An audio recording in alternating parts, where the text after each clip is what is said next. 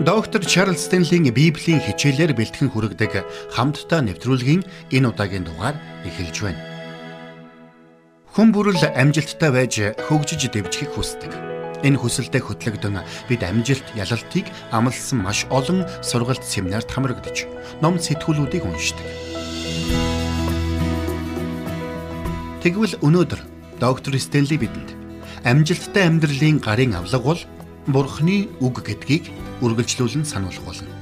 Бурхны үгийг өдөр бүр тунгай модсноор бүх зүйл дандаа бидний хүслээр болно гэсэн үг бишээ. Гэхдээ ингэснээрээ бид Бурхны арга замууд болон түүний зарчмуудыг мэдэж авдаг үлээ. Ингээд бидэнд Бурхны үгийг бясалгахын ач тусыг тайлбарлаж өгөх доктор Стенлиг угтан авцгаая.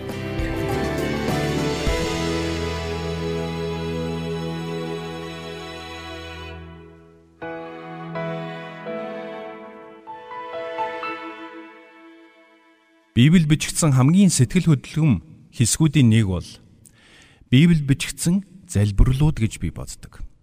Тиймээс өнөөдөр та бүхэнтэй Библиэд бичигдсэн гайхалтай залбирлуудаас хуваалцмаар байна. Хамтдаа эхлээд Нехемия ном руу очицгоё. Эндээс хамтдаа Нехемиагийн залбирлыг уншицгаая. Энэ залбиралтай холбоотойгоор би нэг зүйлийг эхлээд тайлбарлаж өгөх нь зүйтэй гэж бодож байна. Нехемиагийн хувьд Иерусалим хот хэрхэн сүрсэн тухай мэдээг хүлээж аваад сэтгэл нь маш ихээр шаналсан байдаг. Иерусалим хотын хан хэрмэн нурж, дааман хаалган шатсан болохыг олж мэдээд Нехема ийхүү залбирсан байгаа юм. Ингээд хамтдаа Нехема ном 1-р бүлгийн 4-р эшлэлээс эхлэн цааш харцгаая. Би энэ залбирлыг бүхлээр нь уншихгүй. Харин эндээс нэгэн чухал санааг танд харуулахыг хүссэн юм. Ингээд 1-р бүлгийн 4-өөс 7-р эшлэлийг харъя. Энэ үгсийг сонсмогц би доош сун уйлж хідэн өдрийн турш гашуудан Тэнгэрийн бурхны өмнө мацаг барин инхүү залбирлаа. Аяа Тэнгэрийн бурхан эзэн минь ээ. Агуу хийгээд сүрдэн бурхан минь. Танд хайртай тушаалуудыг тань сахигч хүмүүст өршөөл ба гэрээгээ сахигч эзэн минь. Сонор тань соргог, мэлми тань нээлттэй байж. Зарснар тань болох Израилийн хөвгүүдийн өмнөөс таны өмнө өдөр шүнгүй залбирч байгаа зарцсийнхаа залбирлыг сонсооч. Танд би болон миний эцгийн гэр тэрсэлсэн.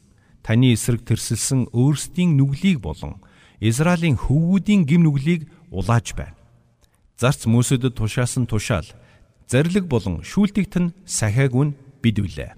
Танд хорон хандсан бас бидвүлээ гэсэн байна. Ийхүү Нехемия бурханд хандан үргэлжлүүлэн залбирсан байдаг. Энэхүү залбиралдаа Нехемия Ард түмнийхөө өмнөөс гим нүглийг нь гимшин залбирч нөхцөл байдлыг өөрчилж өгөхийг Бурханаас гуйсан байдаг. Цааш нь үргэлжлүүлээд хамтдаа Даниэл номын 9-р бүлэг рүү очицгоё. Энд Бурхны өөр нэгэн гайхамшигтай зарц болох Даниэлийн залбирал гардаг юм. Тэрээр энд иш үзүүлэгч Нехемагаар дамжуулан айлтсан бүхнийг нь ойлгож мэдэх мэрэгэн ухааныг Бурханаас гуйн залбирсан байгаа юм. Ингээд Даниэл номын 9-р бүлгийн 1-р хэсгээс хойш харъя. Халдэчүүдийн хаанчлалын хаан болсон Медиачүүдийн үр удам Ахаш Верошигийн хүү Дариусын анх дугаар онд буюу Ноёрхлын анх дугаар онд Даниэл би эзний үгээр иш үзүүлэгч Иремиад илэрхийлэгдсэн Иерусалимийн хоосрол дуустал үргэлжлэх жилийн тоог 70 жил байгаа гэдгийг номоос мэдсэн. Эндээс харвал Бурхны тогтоосон энэ цаг хугацаа ойртож байгаагч Даниэл ойлгож мэдсэн байх нь. Тиймээс Даниэл Бурханд хандан ийхүү залбирсан байна. 3 дугаар эшлэлээс үргэлжлүүлэн харъя. Тиймээс би залбирал гуйлтаараа мацаг барьж таар өмсөж дээрээсээ үнс асхан эзэн бурхныг хайхаар түүн рүү хичээнгүлэн хандав. Би бурхан эзэндээ залбирч гимтэйгээ хүлэн зөвшөөрж хэлсэн. Ээ халаг эзэн минь агуу айц төрөн бурхан минь таныг хайрлаж тушаалуудыг тань сахигчдад та гэрээ ба хайр инэрлээ өгдөг үлээ. Бид нүгэл үлдэж ёс бусыг хийж ёр бурууг үйлдэн тэрсэлж тушаал тогтоолуудаас тань эргэн холджээ гэсэн байна. Ингэж залбирсныхаа дараа Даниэл үргэлжлүүлээд эзнээс мэрэгэн өдөрдмжийг хүсэн залбирсан байдаг. Эцэст нь 19 дугаар ишлэл залбирлаа дараах үгсээр өндөрлүүлсэн байгаа юм. Аяа эзэн сонсооч. Аяа эзэн өршөөгөөч. Аяа эзэн сонсоод үйлдэж Бурхан минь өөрийнхөө төлөө хийх үйлээ бүү хойшлуулаач. Учир нь хот болон ард түмэн нэрээр тань нэрлэгдсэн билээ гэв. Хэрвээ та энэ хоёр залбирлыг анхааралтай унших юм бол та ихлэд бурханд хандан гим нүглээ гимшин залбирч дараа нь бурханд гуйлт хүсэлтэд өргөсөн байгааг харах болно. Энэ мэтчлэн бид Библиэдх бурхны итгэмж зарц үйлчлэгч нарын залбирлаас маш олон зүйлсийг сурах боломжтой юм. Миний хувьд Колосой захидлын 1-р бүлэгт бичигдсэн Паулийн залбиралд маш их дуртай. Тиймээс ч хүмүүс надаас таны төлөө ямар сэдвэр залбирх вэ гэж асуухад нь би Колосой 1-р бүлгийн 9-өөс эхэлж байгаа залбирлын дагуу залбирч өгөөрэй гэж би хэлдэг юм. Хэрвээ та залбиралд суралцахыг хүсэж байгаа бол Библи бичигдсэн олон гайхалтай залбирлуудыг уншиж судлах боломжтой юм шүү. Учир нь Библиэд хүнд хэцүү нөхцөл байдал дундаас бурханд хандан хашгирсан олон бурханлаг хүмүүсийн залбирал бичигдсэн байдаг юм. Гэхдээ хэрвээ тэр хүмүүс бурхны тухай бясалган бодож, бурхан зориулсан цагийг гаргаж сураагүй байсан бол тэд ингэж гайхамшигтайгаар залбирч чадахгүй байсан байхаа гэдэгт би үнэхээр итгэлтэй байдаг юм. Тэд олон үгээр урт удаан залбираагүй. Тэд хэн нэгэнд сэтгэл төрүүлэхийн тулд гоё чамин үгсээрч мөн залбираагүй. Тэд зүгээр л Бурхны тухай бодож, Бурхны үгсийг бясалгадаг байсан учраас тэдний залбирал гайхамшигтай байсан юм. Хэрвээ бид өмнөх хичээлээр үздсэнчлэн Бурхан зориулсан цагийг тусгаалan гаргаж, түүний өмнө чимээгүйхэн ирж, түүнийг анхааралтай сонсож, түүний хүслийг дуулууртаагаар дагах юм бол таны залбирлч бас ийхүү гайхамшигтайгаар өөрчлөгдөх болно. Мөн таны амьдралд өөр олон гайхамшигтай эерэг өөрчлөлтүүд мөн гарч эхлэх болно. За ингээд юуны төрөнд та бурхны үгийг бясалган бурхан зориулсан цагийг гаргаснараа амьдралаа харах бурханлаг харааг олж авах болно. Өөрөөр хэлбэл та бурхны өмнө сууж бурхны үгийг сонсож түүний үгийг уншиж тунгаан бясалгаснараа альва асуудлыг бурханлаг нүдээр харж сурна гэсэн үг юм. Үнэн дээр бид Библиэдх итгэлийн бааtruудаас хавьгүй илүү эвээгдсэн хүмүүс юм. Учир нь тэдэнд бидний гарт байгаа шиг бүтэн Библи байсангүй. Тэдэнд эрээвэр хураавар хуйлмал номууд л байсан. Жишээ нь Даниэлд Иремегийн иш үзүүлгийг бичсэн хуйлмал ном байсан байна. Гэтэл та бидний гарт шин гэрээ бүхлээрэ, хуучин гэрээ бүхлээрэ, бүхэл бүтэн Библийн хөлгөн судар бүхлээрэ байна шүү дээ. Тэгвэл бид Бурхны үгийг бясалгана гэдэг нь Энэ бүх үгийг бид уншиж ойлгож амьдралдаа хэрэгжүүлэхийн нэр юм. Тэгвэл бид энэ бүхнийг хийж эхлэх үед бидний амьдралыг харах хараа эрс өөрчлөгддөг. Жишээ нь заримдаа бид санаа зовнилд хит автдаг. Улмаар түүнээсээ болж зөвхрөнгөө барах үе бидэнд ирдэг юм. Харин Бурхны үгийг уншиж судлаж Бурхантай хамт байх цагийг гаргаж эхлэх үед Бурхан бидэнд тэрхүү нөхцөл байдлаа өөрөөр харах хүчийг өгдөг. Бид тэрхүү нөхцөл байдлаа Бурхны нүдээр харж эхлэх үед бидний санаа зовнил үгүй болж биднийг нүмрөөд байсан цөхрөл гутралж арилан одно. Бурханд итгэж байсан хүмүүсийн амьдралд Бурхан хэрхэн гайхамшигтайгаар ажиллаа хийдэг болохыг бид Библийн түүхүүдээс уншдаг. Тинхүү тэдний амьдралаас бид урам зориг авч Бурханд итгэх итгэлмэнч илүү батчдаг юм. Тиймээс хэрвээ та итгэлийн амьдралдаа итгэлээр хүчрхчийг хүсэж байгаа бол Авраам, Мөсе, Йосеф, Давид, Даниэл гэх мэт хүмүүсийн амьдралыг уншиж судлаарай. Бурхан тэдний амьдралд хэрхэн гайхамшигтайгаар ажиллаж байсныг хараарай. Тэр цагт Бурхан бидний амьдралд хэрхэн ажилдгийг та ойлгож ухаарах болно. За нөгөө төвөр Библиэд Бурханаар гайхамшигтайгаар хэрэглэгдэж байсан итгэлийн бааtruуд нь бүгд залбирлын бааtruуд байсныг та ойлгох болно. Бурхан өөрт нь залбирдаг нэгнийг л өөрийнхөө алдрын төлөө гайхамшигтайгаар хэрэгэлдэг юм. Учир нь энэ бол Бурхны ажиллах арга зам юм. Тэгвэл бид Бурханд хандан залбирх үед бид Бурхны үгийг уншиж судлах үед юу болдго юм бэ? Бурхан бидэнд цоош нь харааг өгдөг юм. Жишээ нь Эфес номын 1-р бүлгийг хамтдаа гаргаад унших юм бол Эфес 1-р бүлгийн 16-ад Илч Паул Эфесийн итгэгчдэд хандан ийхүү бичсэн байна. Залбиралдаа та нарыг дурсахдаа та нарын төлөө талархадгаа зогсоохгүй. Ингээд дараагийн ишлэлд Эфесийн итгэгчдийн төлөө залбирсан Паулын залбирал бичигдсэн байдаг. Бидний эзэн Есүс Христийн бурхан алдрын эцэг нь та нарт мэрэгэн ухаан хийгээд илчлэлийн сүнсийг өгч өөрийгөө бүрэн мэдүүлж зүрхний чинь мэлмиг гийгүүлээсэ. Ингэснээр та нар түүний дуудлагын найдварыг мөн ариун хүмүүстэх түүний өвийн алдрын баялагийг бас итгэдэг бидэнд хандсан түүний хүч чадлын яндашгүй агууг мэдэх болтугай. Энэ нь түүний хүч чадлынх нь хүчний үйлдэл билээ. Илч Паулэнд Эфесийн итгэжтийн төлөө залбирахдаа нэг чухал зүйлийн төлөө залбирсан зүрхний чинь мэлмиг гийгүүлээсэ гэсэн залбирал байсан юм. Өөрөөр хэлбэл Бурхан тэдэнд цоошин харааг буюу бурханлаг харааг өгөхийн төлөө Паул залбирсан байна. Үнэхээр итгэж бидний амьдралын бүхий л талбарт Бурхны хараа бидэнд хэрэгтэй. Бид Бурхны алдрын төлөө зөв зүйлсийг хийхийг хүсчил байгаа бол бид аливаа зүйлсийг зөвөр буюу Бурхны нүдээр харж сурах хэрэгтэй гэсэн үг. Тэгвэл энэ шин харааг бид хаанаас авах вэ? Бурхны үгээс авах болно. Бурхны үгийг хам хум гүйлгэж уншаад л болно гэж юу? Мэдээж үгүй.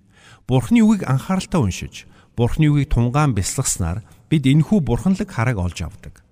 Шаардлагатай бол бид нэг уншсан хэсгээ дахин дахин унших хэрэгтэй гэсэн үг. Тэгээд уншсан зүйлийнхээ дагуу бурханд хандан залбирч бурхны дуу хоолойг сонсохоор чих тавина гэсэн үг. Шаардлагатай бол маргааш нь ч гэсэн. Бурхны өмнө дахин очиод тэр үгийг давтан уншиж тэр үгийн дагуу Бурхны өмнө дахин давтан залбирах хэрэгтэй гэсэн үг юм. Тэгж байж бид амьдралдаа бурханлаг харааг харж чадна. Хэдийгээр хуучин гэрэнд бичигдсэн итгэлийн баатруудын амьдралын нөхцөл байдал цаг үе нь биднийхээс тис ондоо боловч тэдэнд тулгарч байсан зовлон бэрхшээл саад дотгор нь бидэнд тулгардагтай адилхан юм. Тиймээс тэдний амьдралын жишгээр дамжуулаад Бурхан бидэнд амьдралаа Бурхны нүдээр харах боломжийг олгодог юм. Жухамдаа үүний тулд Бурхан бидэнд өөрийн үг болох Библийг өгсөн юм. Харин бид энэхүү бурханлаг харааг олж авахын тулд Бурхны өмнө ирж түүнийг анхааралтай сонсож, түүний өмнө залбирч, түүний үгэнд чих тавьж, түүний хүслийг дуулууртаа даггахдаа бэлэн байх учиртай юм. Тийм ч учраас Библиэд итгэлийн бааtruуд бүгд залбирлын бааtruуд байсан юм. Тэдний залбирал өөрсдөд рүү нь биш, харин Бурхан руу чиглэсэн залбирал байсан. Бид ч бас Бурханы нүдээр аливаа асуудлаа харж сурахыг хүсэж байгаа бол эхлээд асуудлаа харах биш, харин Бурхан руу харцаа өргөх нь чухал юм. Өнөөдөр энэ дэлхий дээр аливаа зүйлсийг харах маш олон янзын хараа, маш олон янзын үзэл баримтлал онол дүрмүүд байдаг. Гэвч тэр бүхний дундаас бид бурханлаг харааг олж авах нь хамгийн чухал юм. Харин үүний тулд бид эхлээд заавал Бурхны өмнө ирээд өвдөг сүгдөх хүчтэй юм. Хоёрдугаарт бид Бурхны оршихуйд Бурхантай хамт цагийг гаргаж эхлэх үед бидний нуруун дээр байсан альва ачаа дарамт аяанда үгүй болдог. Миний хувьд энэ бол Бурханд цаг гаргахын хамгийн чухал ашиг тус гэж үздэг. Учир нь миний хувьд ажил үйлчлэлээсээ болоод цаг ямагт маш их дарамтыг мэдэрдэг. Чуулганы үйлчлэлээс эхлээд радио үйлчлэлээсээ болоод би маш олон янзын нөхцөл байдлуудтай нүүр тулах ёстой болдгийм. Энэ бүхнээсээ болоод би баггүй ачаа дарамтыг мэдэрдэг.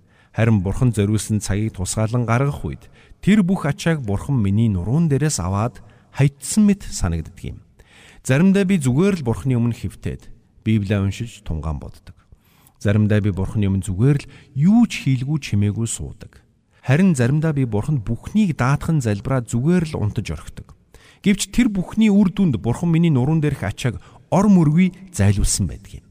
Учир нь бурхан үнэхээр бидний зүрх сэтгэл амар амгалангаа өгдөг.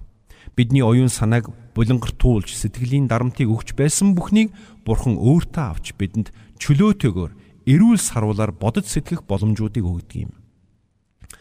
Гэхдээ та өөрөө үнийг туршиж үзэхээс нааш хизээч мэдэрч чадахгүй. Тиймээс та өөрийгөө сатааруулах аливаа зүйлсийг хоош тавиад зүгээр л бурхны өмнө ирээд залбираад үзээрэй. Эзэн минь би үүнийг туршиж үзмээр байна та үнэхээр миний нуруун дээр байгаа ачаа дарамтыг чөлөөлж чадах эсхийг хармаар байна гэж залбираад үзээрэй.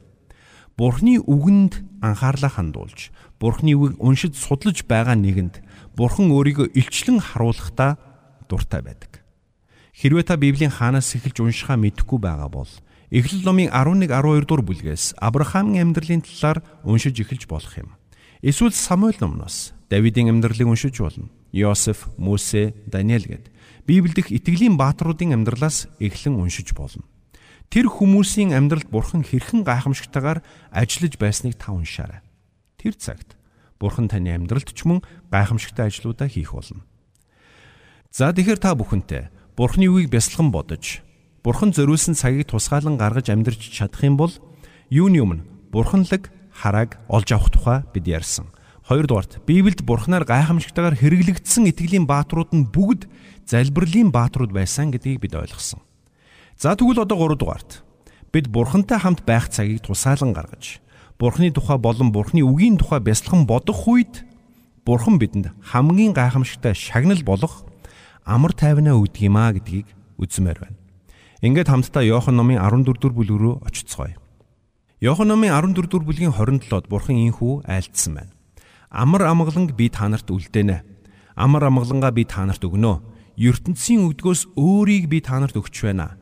Өр зүрхээ бүү шаналга, бүү түгшцгээ гэсэн байна. Цаашилбал бидний ихэнх нь Филиппо номын 4-р бүлгийн 6-аас 7-р ишлэлийг баг цээжээрээ мэддэг бах уу. Учир нь бид Бурхны амар тайвныг хэрхэн авахыг Илч Паулинд тайлбарлаж өгсөн байдаг юм. Хамтдаа Филиппо номын 4-р бүлгийн 6-7-ыг харъя. Юунд ч бүс санаа зов Харин альва зүйлд залбирлаараа болон гуйлтаараа талархалтайгаар хүсэлтэд бурханд мэдүүл. Бүх оюун ухааныг давах бурхны амар тайван та нарын сэтгэл санааг Христ Есүс дотор хамгаална гэсэн байдаг. Энд Паул бидэнд бурхны амар тайвныг хүлээн авах арга замыг зааж өгсөн байна. Ингэхдээ биднийг залбирлаараа болон гуйлтаараа бурхны өмнө ирэх ёстой гэдгийг сануулсан байгаа юм.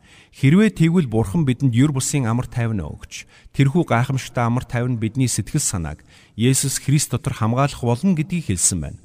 Өөрөөр хэлбэл бидний сэтгэлийг зовоож байсан айдас, түгшүүр, санаа зовнил, сэтгэл гутралыг зайлуулж үүний оронд юр бусын амар тайвныг бидний дотор дүүргэж өгнө гэж амласан байна.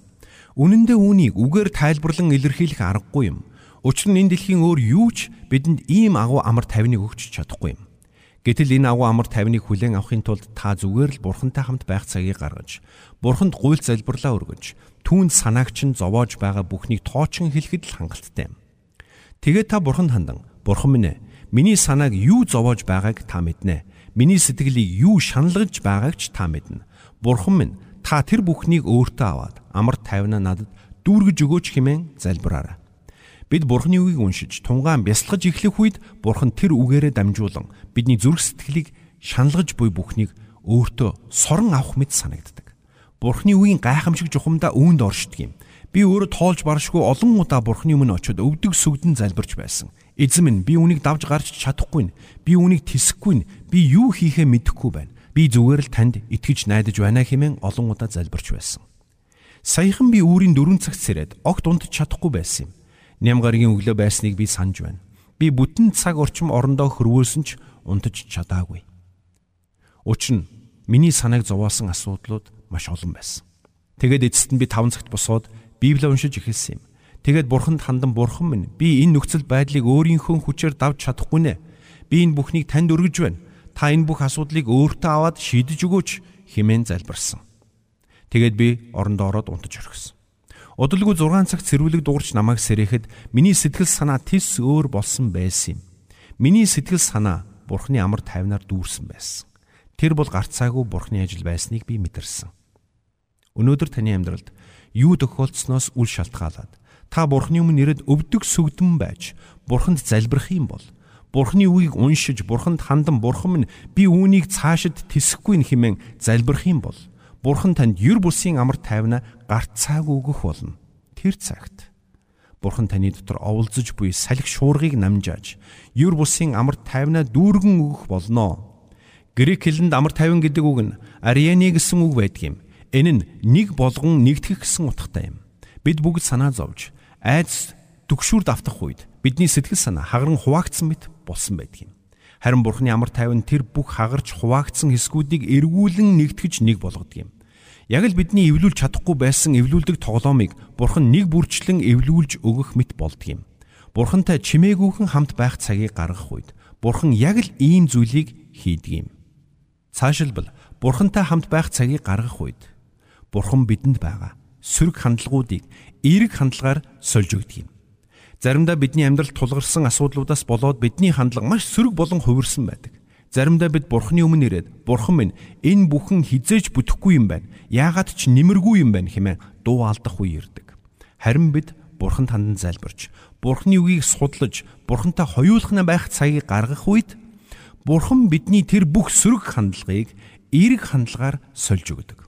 Бидний өөрсөддөө хандаж буй сөрөг хандлагууд мөн бусдад хандаж буй сөрөг хандлагууд, өөрийн амьдралдаа хандаж буй сөрөг хандлагууд бүгдээрээ эерэг хандлагаар солигддог юм. Сүнслэг байдлын хувьд сулдроо нэгэн Бурхны үгийг уншиж, Бурхантай хамт байх цагийг гаргаж, Бурхны тухай болон Бурхны үгийн тухай тунгаан бясалгаж эхлэх үед тэдний хандлага гайхамшигтгаар өөрчлөгдөж байгааг би олон удаа харж байсан. Үнэн дээр энэ бол итгэж бидний хийж болох хамгийн чухал ажил юм. Үнэн дээр Бурхны үгийг уншиж судлаж, Бурхантай хамт байх цагийг гаргахаас илүү чухал зүйлийг та нэрлэж чадахгүй гэдэгт би итгэлтэй байна. Өнөөдөр маш олон хүн амжилтны хойноос хөөцөлдөж байна. Гудамж нь таарлах захын хүнээс та амжилтад хүрэхийг хүсэж байна уу гэж асуувал тэд мэдээж би амжилтад хүрэхийг хүсэж байна гэж хариулах болно. Өнөөдөр хүмүүс бизнесийн конференц, сургалт, семинаруудад асар их хөрөнгө мөнгө зарцуулж тэднээс амжилтын нууцыг олж мэдэх гэж хичээж байна. Хэрвээ та тэр хүмүүсийн нэг бол би танд маш их мөнгө хэмнэх аргыг зааж өгье.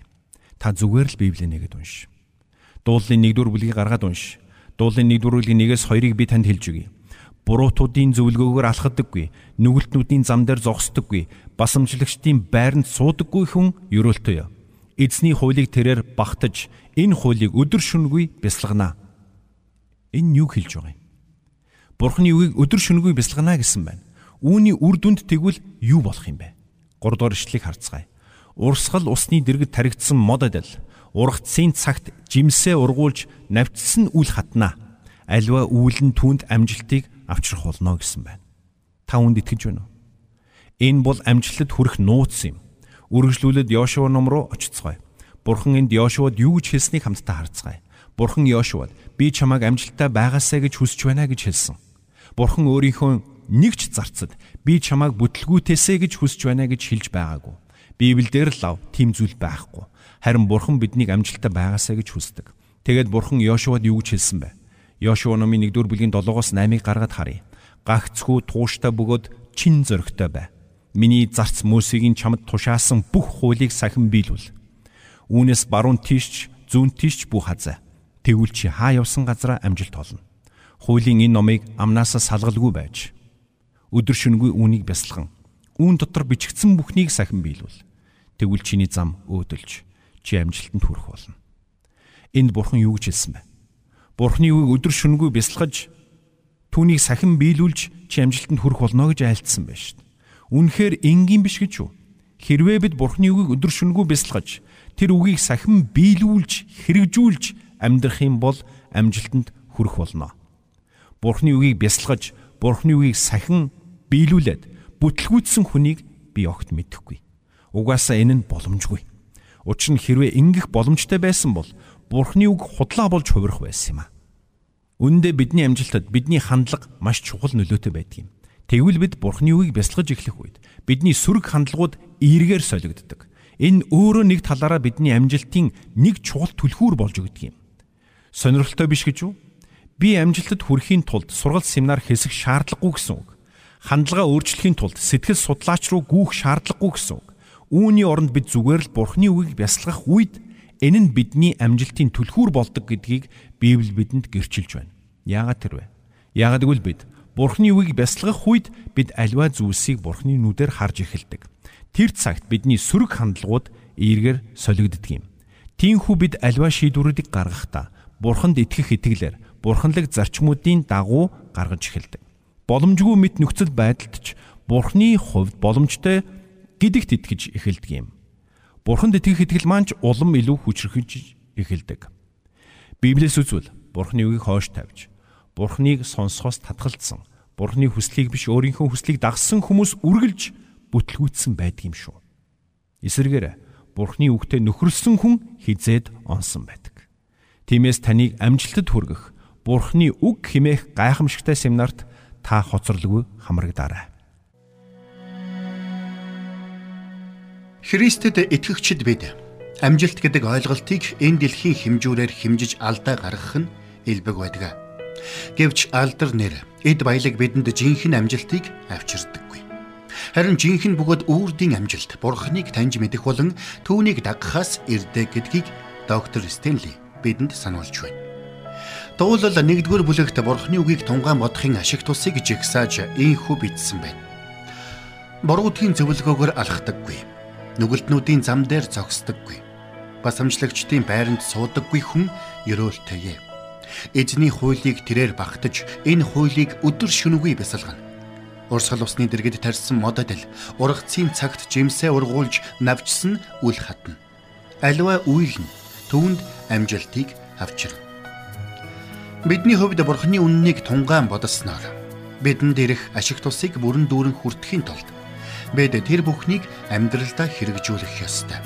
Тэр цагт Бурхан биднийг түүний хүслийн дагуух амжилт, хүслийн дагуух ялалт руу хөтлөн дагуулна гэдэгт бүрэн итгэлтэй байж болно.